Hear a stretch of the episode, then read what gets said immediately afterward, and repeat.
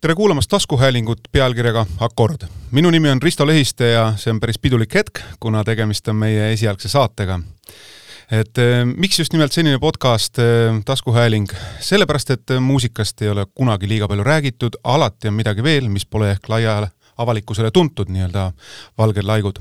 ja meie saated siis eh, keskenduvad konkreetsetele hetkedele, plaatidele, sündmustele, ma ei tea, valikutele, festivalidele või akordidele, mis on mõjutanud Eesti muusikat, selle ajalugu ja arengut. ja meie esimeses saates on mul täna stuudios Erkki Pärnoja, muusik, kitarrist, multiinstrumentalist, helilooja ja mulle tundub, et päris parajal määral ka filosoof. tere hommikust!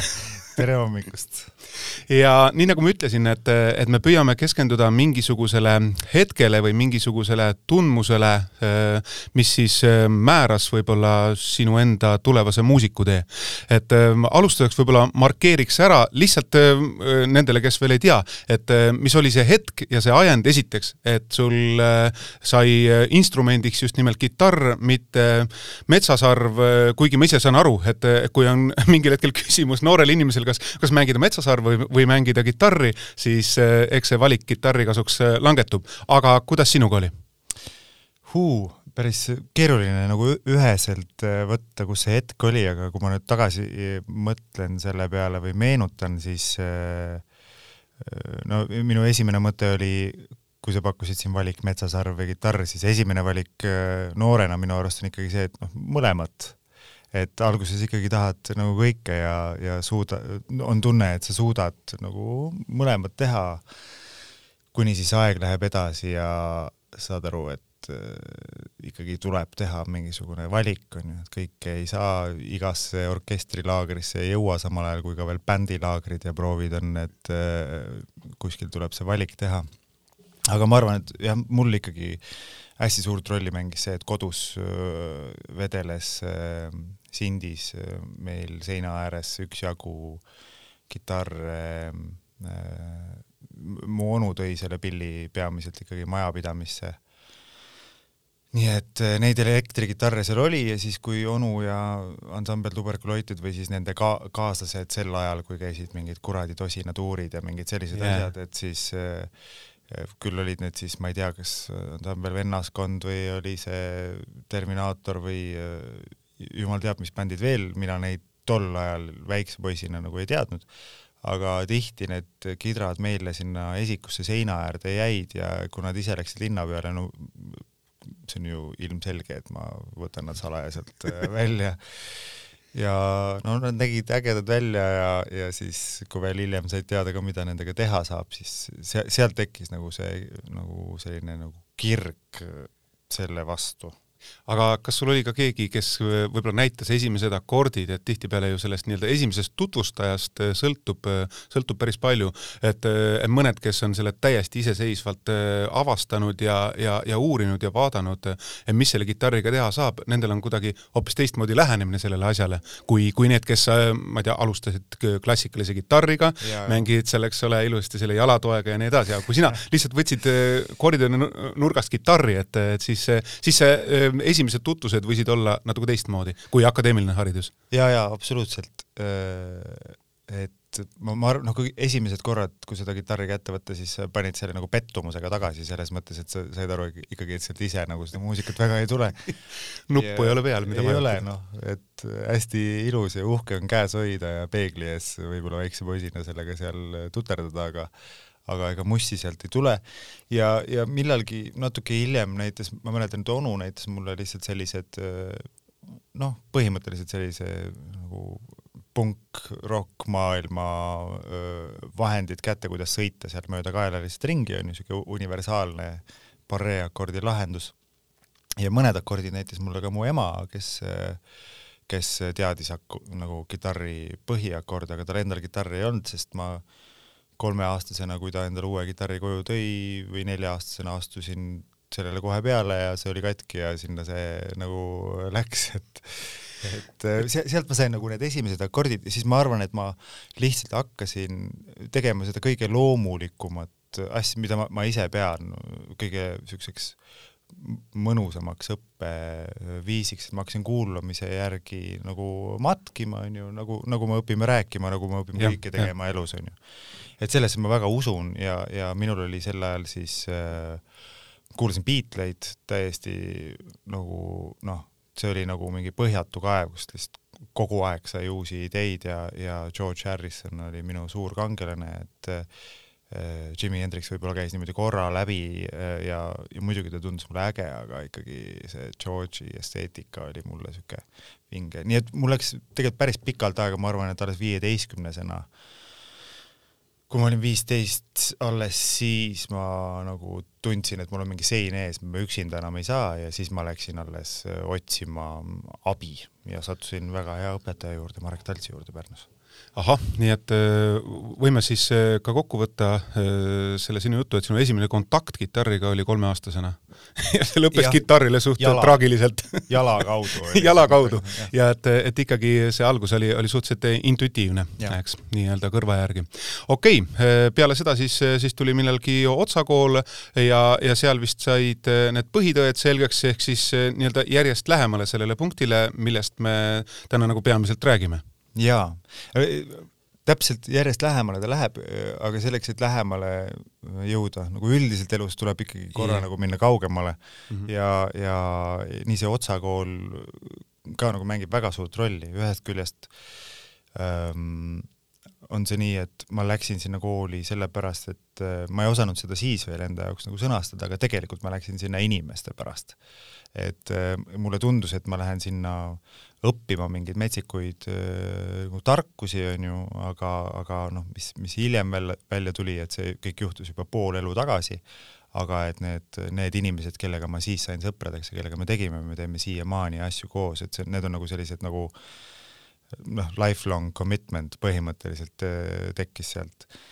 aga ja seal hakkas nagu see õpe ja niisugune nagu veits akadeemilisem lähenemine kuigi see oli pop-džäss osakond äh,, hakkas nagu peale ja, ja, ja kuna mul oli huvi, oli suur, ma ahmisin nagu kõike sisse, siis mul ikkagi hakkas nagu, ma ei saa öelda igav, aga ma tahtsin kogu aeg rohkem, kui oli nagu võimalik ja nii ma läksingi, noh, ma kerin nagu fast mhm, forward mm. -hmm. ikka, ikka, jah, absoluutselt. ja läksin, jätsin Otsa kooli pooleli, läksin akadeemiasse vast loodud džässosakonda, nüüd ma olin nagu teine lend ahah, päris, päris alguses jah, koos äh, Kadri Voorandi ja ja näiteks oma õpetaja Jürmo Eespere ja Mihkel Märgandiga muuhulgas, äh, teiste hulgas olime nagu üks kursus ja, ja siis läks elu noh, mõistagi Muusikaakadeemias eriti akadeemiliseks, nii et selles mõttes ma läksin oma nagu sellest etapist, kus ma õppisin intuitiivselt äh,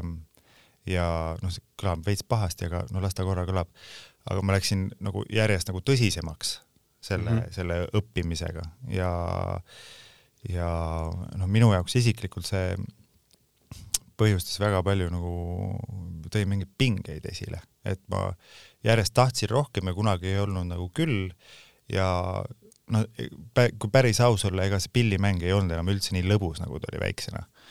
ja ja niimoodi ma olin juba seal akadeemias äh, kahekümne aastasena, olin ikkagi üsna puntras omadega juba. Huvitav, tavaliselt on ikka niimoodi, et, et seal nagu kuidagi äh, saadakse sein eest ära, aga, aga sul tuli see sein siis pigem ette? vastupidi, ma, ma arvan jah, see on täiesti individuaalne no,, kuidas, kuidas keegi on, see nagu sõltub mingisugusest üldist tundlikkusest ja, ja ongi see, et kui kriitiline sa enda vastu oled ja kui suured ootused sul on ja üldse mingi selline üldine suur segadus valitses mul. mis, mis sest, et sa tegelikult olid ju äh, põhimõtteliselt sama, samades tundides oma, oma nii-öelda õpetajatega või, või noh, selles mõttes inimestega, kes, kes olid äh, juba nagu väga kõvasti kanda kinnitanud Eesti, Eesti pop-džäss muusikas. ei, absoluutselt, ma olen fantastilises seltskonnas olin äh, aga võib-olla see, ma arvan, et äkki põhjustaski mingil määral mingit äh, alaväärsust või ma noh, ma ei kujuta ette, igal juhul mul ei olnud nagu mugav, et alati kui ma noh, ma olin nagu selle konksu otsas, ma tahtsin mm -hmm, mängida, aga ma ei olnud seda enda jaoks valmis mõelnud või ma ei olnud selle udu seest seda kätte saanud, et tegelikult see peaks ju nagu mulle olema mega äge või nagu siuke lõbus. ja siis oligi niimoodi, et sealsamas Muusikaakadeemias esimesel kursusel ühtlasi ka minu ainukesel kursusel, mis ma seal akadeemias olin kursusel siis üldiselt, siis äh, tulid Rootsist vahetusõpilased, et see, selle eest ma olen küll mega-mega tänulik, et Muusikaakadeemias toimus niisugune programm nagu Crossing Borders ja siis tulid äh, Göteborgi nagu Muusikaakadeemia õpilased sinna ja nendega tehti siis segabändid ja ma sain äh, sõpradeks mingite tüüpidega seal. nii. Mm, ja, ja minu jaoks oli noh, täiesti äh, selline nagu pahviks lõi see, et näha, kui palju rõõmu nemad tunnevad sellest, mida nad teevad, kui vabalt nad mängivad, kui, äh, kui kergelt nad võtavad vastu kriitikat, nad on nii enesekindlad, neil on nagu no mingis mõttes läheb neist nagu mööda, nad võtavad seda, mida nad ise tahavad, võtavad sellest vastu ja ülejäänus, ülejäänul nad ei lase endale nagu liiga teha või ennast kõigutada. Nii et äh, ma küsisin, mis värk sellega on et, et kuidas te teete seda? ja, ja, ja üks äh, saksofonimängija Juel Westberry ähm, ütles, et kuule, mis asja, et lihtsalt kuula mussi ja naudi ja sa pead lihtsalt minema niisugusesse seltskonda, kus see on nagu, ei ole nagu nii akadeemiline, onju. Mhm. ja ta soovitas mulle minna Rootsi. Äh, ja me olime siis äh, Nuku klubis mm -hmm. ühel õhtul see oli see aeg, kui kõigil ei olnud taskus internet, vaid oli, oligi klubis oli üks arvuti, kus inimesed siis istusid seal taga vahepeal onju. kordamööda. kordamööda baari leti taga. ja sellel samal ööl guugeldasime selle Skurupi välja ja saime teada, et paberite sisseandmine ongi, et nagu homme on viimane päev. nii. ja saatsin faksiga hommikul taotluse, avalduse ära. Et nagu kohe seal kohapeal nokkus õlleklaasi taga käis see otsus, et siit tõmban joone ja lähen, aitab, et äkki seal on mulle see õige koht. no aga kas see ei olegi äkki see, see üks nagu konkreetne mur-, murdehetk, üks konkreetne öö, millest me räägime? et ja. see oli tegelikult ju juhus, et või noh, asjade kokkulangemine, suur vedamine, et, et, et sa said selle ree peale? jaa ja oligi ju, hommikul oli saadetud siis äh, faks, mäletad fakse? jah. olid olemas faksid. ja, ja tegelikult jah, see otsus öö, nagu noh, ongi nagu elu enne seda ja elu pärast seda tegelikult. Okay.. see on üks sellistest mm -hmm. kohtadest, et, et muusikaliselt ma justkui mul oli väga kerge jätta kõik see maha, mis ma siin paari aasta jooksul olin äh, Tallinnas nagu justkui enda jaoks nagu saavutanud, et bändidesse saanud mängima ja olin saanud justkui nagu tööd ja juba juba otsakooli alguses ja akadeemia esimesel kursusel tegelikult minu töö juba oli nagu siuke sessioonimuusik, käisin, mängisin kitarri, tegin seda, mida telliti ja sooviti, onju. aga ma jätsin selle nagu päevapealt, ei olnud muret. ühesõnaga, ühel öö, kaalukausil oli niisugune ööga esitatud avaldus ja, ja, ja Rootsis öö, terendav öö, uus õpe, mille kohta sul ka ei olnud ju tegelikult teada, kas see sulle meeldib, kas see on uued teed või on ummikud, ja teisel olid siis öö, päris mitmed bändid ja tegelikult juba, juba nii-öelda päris hea reputatsioon Eestis võib-olla küll jah, ega seda ise ei oska öelda, aga, aga äh, selle reputatsiooni kohta, aga lihtsalt ma, ma tean, et nagu ei no muidu ei kutsuta.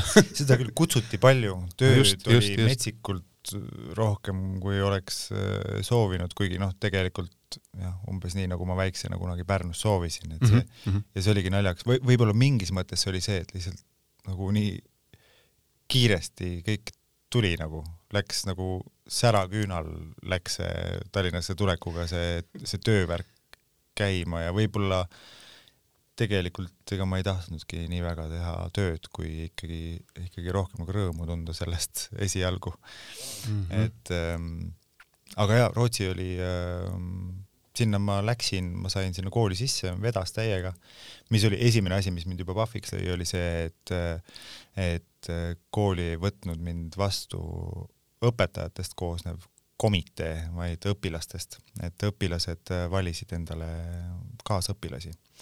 nii et seal istus kaks õpetajat ja neli õpilast, kaks esimese kursuse õpilast ja kaks teise kursuse õpilast, kes siis äh, palju sul neid kursuseid siis oli? kaks kursust ongi ongi jah? Ah, okay, kaheaastane okay, koolis mm, -hmm. tundus ka täpselt, et noh, nagu ma sulle enne ütlesin, kaks aastat Otsa koolis, üks aasta akadeemias, et siuke kaheaastane kool oli täpselt minu valulävi nagu et üle selle nagu ei, ei.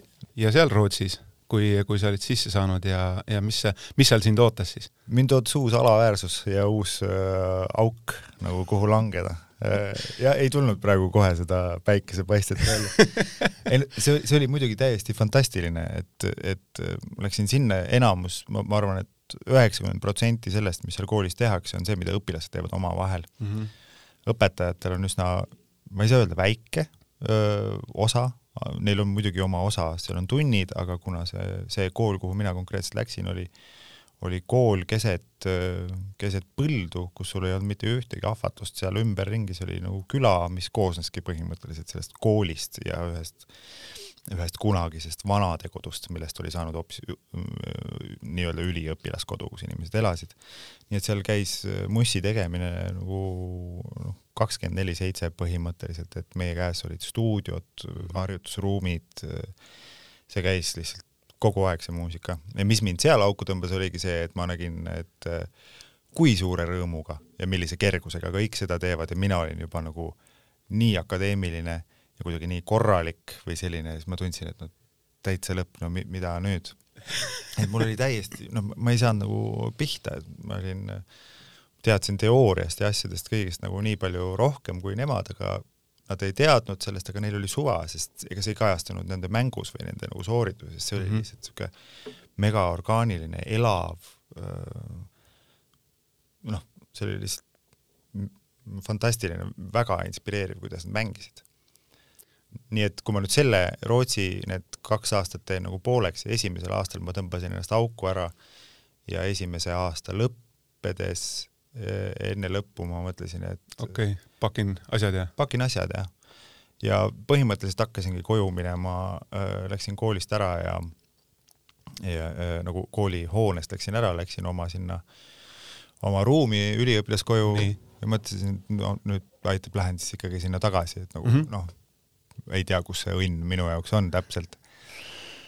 aga mul ei olnud raha, et tulla koju, nii et nii ma siis konutasin seal üliõpilaskodus ja, ja kui varasemalt oli mind kutsutud nagu jämmima, siis käis kogu aeg jämmid ja ma ei läinud sinna alaväärsuse pärast lihtsalt, sest ma tundsin ennast halvasti mm. -hmm.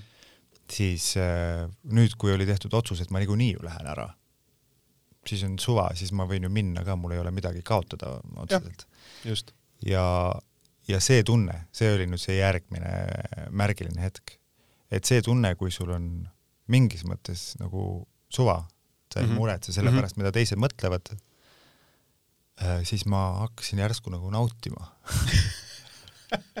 et selleks, et, et saada edasi, siis tuleb korraks nagu lahti lasta? ma sain vabaks ja, ja, ja see tunne on Müstika. mul ülihästi meeles ja see on see, mille ma salvestasin enda jaoks ära, ma mõtlesin, nii, niimoodi ma pean ennast tundma kui ma mängin.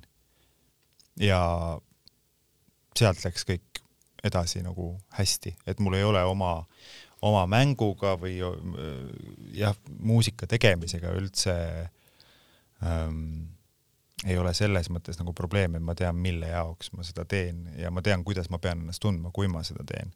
et kui on ähm, ma oskan nüüd juba usaldada oma sisetunnet, intuitsiooni, et milline projekt on minu jaoks õige, mis nagu täidab mind nagu rõõmuga, paneb mind elama ja paneb mind nagu rõõmuga tööle.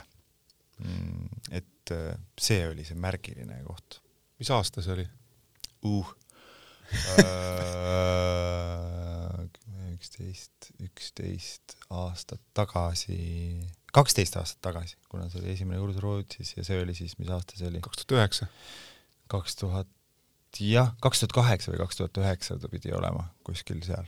et siis oli, siis oli murrang? siis oli täismurrang. Läksid äh, andma põhimõtteliselt nagu lahkumiskontserti ja, ja, ja sealt, sealt läks ja uus, uus tee lahti? otsustasin, et jään teiseks aastaks ka ja teine aasta koolis oli juba täiesti fantastiline, et siis äh, tegime mussi, tegi, ma olin mingi lugematus bänd, lugematus arvus äh, bändides. Äh, me veetsime palju aega, mul oli kerge tunne kõigi ees mängida, ma olin nagu vaba, ma võtsin kogu aeg selle ka kaasa, selle tunde, et mul ei ole midagi kaotada. ma kuulsin ühte lauset, ma lugesin ühte raamatut ka, mingit sellist muusikalist eneseabiraamatut, äh, mida ma nüüd olen nagu soovitanud inimestele, et kui ma tunnen nende pilgus ära, et neil on mingi sarnane mingi kriis, mingi samas augus. selle nimi on Effortless Mastery Kenny Werneri äh, Kenny Wheeleri raamat.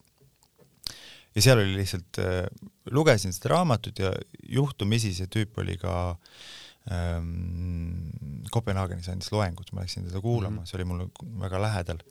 ja ta ütles lihtsalt, üks lause jääb mul eluks ajaks helisema, ta ütles, et, et äh, iga päev tuleb maailmas välja nagu kerkib äh, muusikuid, kes on mingis mõttes sinust paremad, nagu ühel või teisel põhjusel. et kui sa ainult sellepärast nagu teed, et olla kellestki nagu parem, äh, siis sa võid nagu kohe lõpetada, et nagu ainuke põhjus, miks seda teha, on selle jaoks, et sa tunneksid, et sina elad oma elu hästi ja et sul on mõnus mängida, sa tunned sellest rõõmu, see teeb sul elu lihtsalt paremaks, et nagu täna on see päev, millal sa pead muutma oma nagu mõtlemist selle koha pealt. ja need asjad kõik käisid mm -hmm. kuidagi nagu ühel, ühel mingil hetkel ja nii on, ma tunnen väga palju rõõmu muusika mängimisest siiamaani. siiamaani ja jällegi, et, et oleks võinud minna teistmoodi, eks ole, nii, nii nagu see otsus seal Tallinnas, et eks elu, elu koosnebki valikutest ja sellistest ähm, hetkedest, mille olulisusest sa saad võib-olla aru alles, alles pärastpoole. aga kui me nüüd lähme selle juurde, et, et sinu see enda stiil, kas see kujunes välja mingisuguse, just nimelt selle, selle teise aasta jooksul seal Rootsis? Või sa olid sinnapoole veel teel lihtsalt mingil hetkel, mingil hetkel, et sellele sai seal start antud ja, ja siis see tekkis sul? ma arvan, et seal sai start antud sellele ähm, mõttele või nagu mingi seeme sai istutatud, aga sinna läks ikkagi veel päris palju aega äh,. aega läks kuni aastani kaks tuhat viisteist, millal ilmus minu esimene plaat Himmelberget. et sinnamaani ma mm, tegin väga paljudes erinevates bändides, mängisin, äh, küll mul oli Eestis siin öö, äh, mõned bändid, Draakonitega olime ja, alustanud. just, just.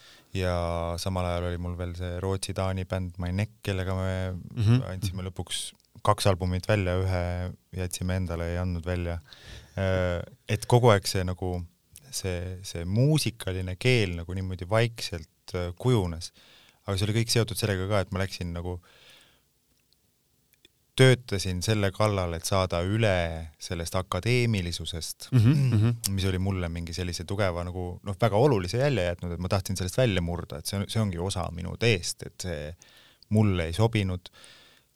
Äh, et kõik need otsingud olid nagu mega vajalikud, aga võib-olla oli, ma mängisin bändides, aga mul oli ikkagi kogu aeg kuklas selline väike tunne, et ma tahaks nagu ikkagi ükskord niimoodi ka teha, et me ei ole nagu nelja-viiekesi ja kogu aeg ei tee kompromisse, vaid et nagu tahtsin, ma tundsin, et kaks tuhat viisteist, kui sündis minu esimene laps, siis enne lapse sündi ma tundsin, et et võib-olla nüüd enne, kui ta tuleb, et nagu prooviks selle vastutuse värgi nagu ära nagu muusika peal ka, et nagu ma teadsin, et nii suur vastutus on elus tulemas, on ju, et äkki ma olen nii. siis selles, selleks muusikaliseks vastutuseks ka valmis.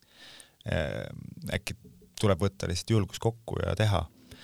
et mingis mõttes ongi esimese plaadi ma tegin nagu hirmust selle ees, kuna vanemaks, lapsevanemaks saamine on nagu nii suur ähm, esime-, esimesel korral hästi suur nagu teadmatusse nagu astumine, onju Äh, ma tõsiselt arvasin, et võib-olla mul ei teki enam kunagi selleks elus aega, et nüüd tuleb kähku ära teha. ja ilmselt see mõte nagu võttiski kuidagi, sundis ennast kokku võtma ja ma tegin selle, selle esimese plaadi Himmelberget kuidagi sellise ühe vopsuga, et no teeme nüüd kähku ära, anname välja, siis on, siis on see vähemalt elus tehtud, linnuke on kirjas ja plaat on olemas ja tore ja, ja siis äh, seda plaati tehes ma sain aru juba, et nagu siin nagu akadeemilisusest, äh, sellest akadeemilisest taustast ei, ma olen ilusasti saanud lahti, sest ma ei mõtle mussi mm -hmm. tehes, vaid ma teen seda nii, nagu ma tegin noorena või lapsena, et ma kuidagi lähtun intuitsioonist ja kuidagi tundest ja kui tunne on vale, siis ma ei tee seda ja teen järgmine päev, kui tunne on äkki õigem aga lihtsalt konkreetselt nagu sound'ist rääkides, siis äh, jah, et ma arvan, et kui ma hakkasin nüüd seal selle plaadi peal kitarri mängima, siis see oli võib-olla esimene kord, kui ma sain aru, et see selline Ennio Morriconelik selline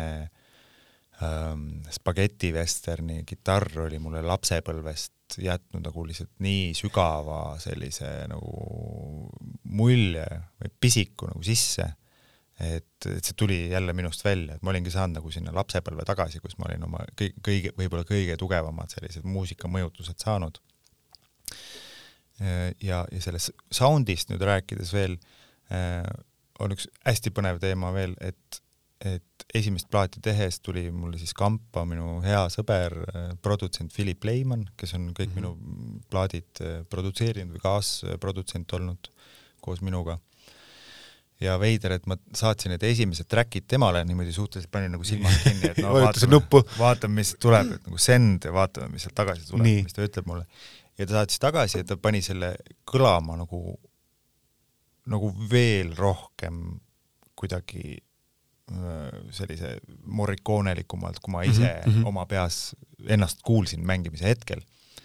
ja see oli täiesti fantastiline, nii et huvitav asi on see, et, et see, kuidas Philip on nagu miksinud minu muusikat, on ähm, mulle näidanud, kuidas ma tahan mängida.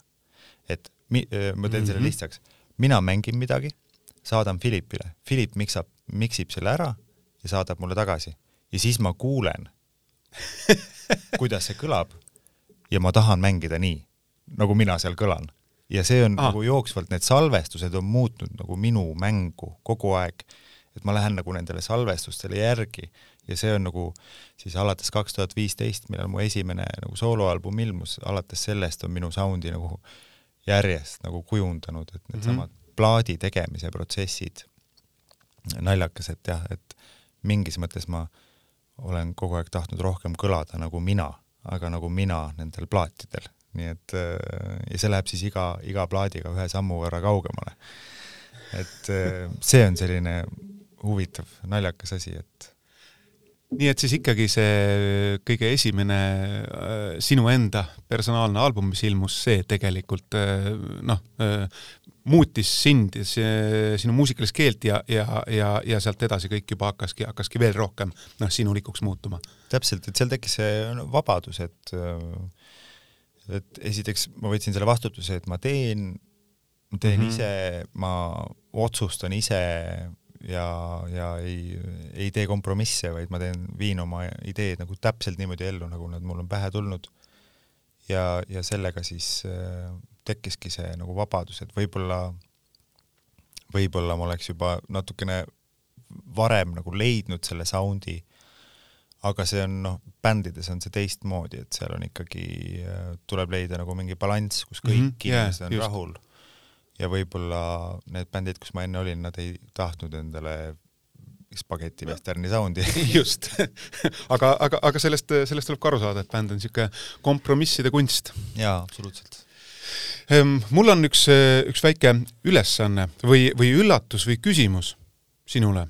nimelt eh, ma võtsin ehm, lihtsalt eh, ma hakkasin mõtlema seda, seda kohtumist ette valmistades, et, et kuivõrd palju sa, sa ise nagu oma, oma, oma loomingut nagu tehes selle niivõrd palju läbi elasid, et sa tead oma loomingut nagu pff, täiesti läbi lõhki edasi, algusest lõppu, lõpust algusesse. Ja siin on sulle üks lugu, mis on keeratud teistpidi oh.. ma lasen ühe lõigu ja no., ja see on tõesti, ongi äh, peegelpildis ja, ja vaatame, kas sa tunned selle ära, sellepärast et äh, minul oli see üllatus, et kui ma kuulasin alguses seda, seda nii-öelda originaalis ja, ja siis teistpidi, siis tegelikult on see muusika ikka pagana universaalne selles mõttes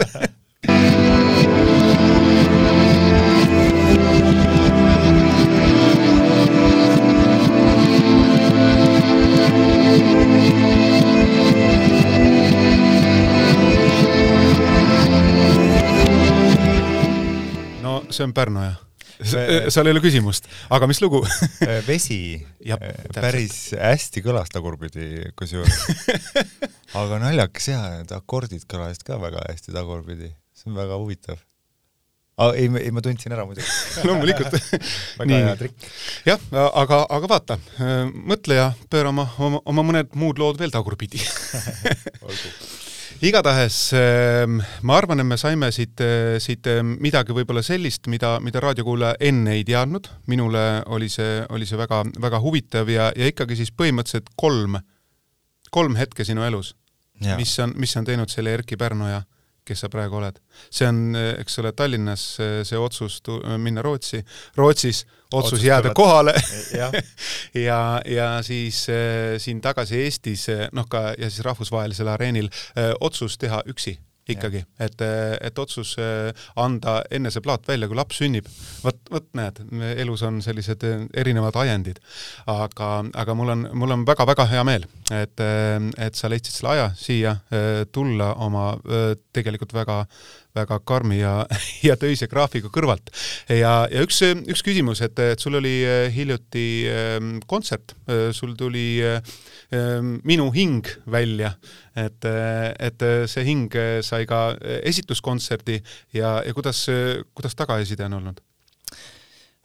tagasiside on olnud väga hea, et mõnes mõttes, ma mäletan, et nädal aega enne albumi ilmumist ma ikkagi hoidsin hinge kinni, et tuli tunne, et nagu kas ikkagi no jälle ikkagi täpselt enne seda, kui see saab vabaks lastud inimestele, et kõigile kuulata. tänapäeval see ju noh, saavad kuulata seda kõik inimesed üle planeedi. ja seda enam tagasi ei võta? seda enam tagasi ei võta. et siis enne seda ikkagi tekib niisugune, hing jääb kinni veits ja mõtled, et kas oli nüüd vaja. et ikkagi tegelikult oli enne rahulikum elu.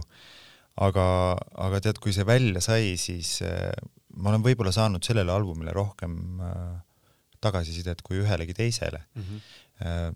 võib-olla on see seotud ajaga, kus me praegu elame, et, et meil ei olegi teist võimalust kuulajaga kommunikeerida kui, kui kirjavahetuse läbi, aga aga see tõesti, ma olen saanud esiteks väga pikki kirju kuulajatelt ja teiseks üldse nii palju ja need on kuidagi väga isiklikud, et inimesed on kuidagi äh, avanud ennast ja, ja, ja rääkinud sellest, et kuhu see muusika on neid mõttes või mälestustes kandnud. ja need ongi sellised kirjad, mida nagu tegelikult ei, nad on nii isiklikku laadi, et neid ma isegi ei, ei, ei söanda ega kavatsegi kuidagi jagada, aga ma tunnen, et see, et mulle teeb väga palju rõõmu, et see, need, need minu, minu enda otsingud, mis on mind viinud selle, selle muusikani, äh, on kuidagi jah, kajavad nagu kuulajate poolt niimoodi vastu, et see teeb väga, väga palju rõõmu. et nad on aru saanud? jah. sellest võib-olla, mida sa öelda tahtsid või, või, või, või mida sa mõtlesid? Äh, mõnes mõttes küll, aga minu mõte selle albumiga oligi võib-olla kõige rohkem see, et, äh, et ma ei ei ütle midagi mm, -hmm. mida mm, -hmm. mida, mida peaks saama aru, vaid selle mõte oligi see, et see muusika kutsub sind üles vaatama enda sisse ja saama hoopis iseendast rohkem nagu aru või, või oma, oma loost. et see, et see muusika oleks lihtsalt selline nagu uks, mis viib sind iseenda, mitte minu siis mm. -hmm, jah, just. ja see, see kuidagi praegu on tunne, et õnnestus seda on väga hea kuulda. ta on ka niisugune natukene noh, jällegi, eks ole, sinu helikeelega, aga võib-olla mitte halvas mõttes, aga, aga noh, praegu see koroonaaeg, inimestel on võib-olla rohkem aega äkki kuulata, et mitte ringi joosta, vaid kuulata ja selle jaoks on see album muidugi perfektne nii et, nii et jällegi äh, hästi ajastatud ja, ja lõpuakordiks äh, oskad sa ennustada äh,? ma, ma küsin ka teiste käest äh,, vähemalt senikaua, kuni see äh, pandeemia olukord läbi saab, millal võib olla kas sinu või, äh, või sinu koosseisus, äh, kui oled mõne ansambli koosseisus, esimene live-kontsert, mis ei ole veebi teel? ma ei oska seda ette näha praegu, et ma ikkagi, ma ikkagi väga loodan, et suvel äh, saab toimuda kontserte, sest äh, naljakal kombel ma kõige rohkem ise kuulajana praegu vajan seda, et mm -hmm, ma ei ole jah. kunagi olnud nagu liiga tihe kontsertide külastaja ähm,. pigem niisugune väga valiv harva, aga siis äh, lähen sinna väga sügavale sisse ära mm. -hmm. aga praegu ma küll nagu juba kuulajana väga soovin, et, et ma saaksin siin äh, kevadega, kui me liigume valge aja poole ja, ja, ja suve lähenedes, et, et, et saaks äh, midagi sellist äh, maagilist jälle kogeda. no eks me seda loodame kõik et, et äkki saab, äkki lähevad ajad paremaks. aga Erki, ma tänan sind saatesse tulemast ja see on siis äh, podcast Akord, meie esimene saade, ma tänan, et olite, olite meie veebilainel, aitäh! ja, ja ega midagi, mõne aja pärast on meil au kohtuda ja siis on äh, stuudios juba uus külaline, siis on uued jutud. mina olin Risto Lehiste ja kõike kaunist teile, pidage vastu!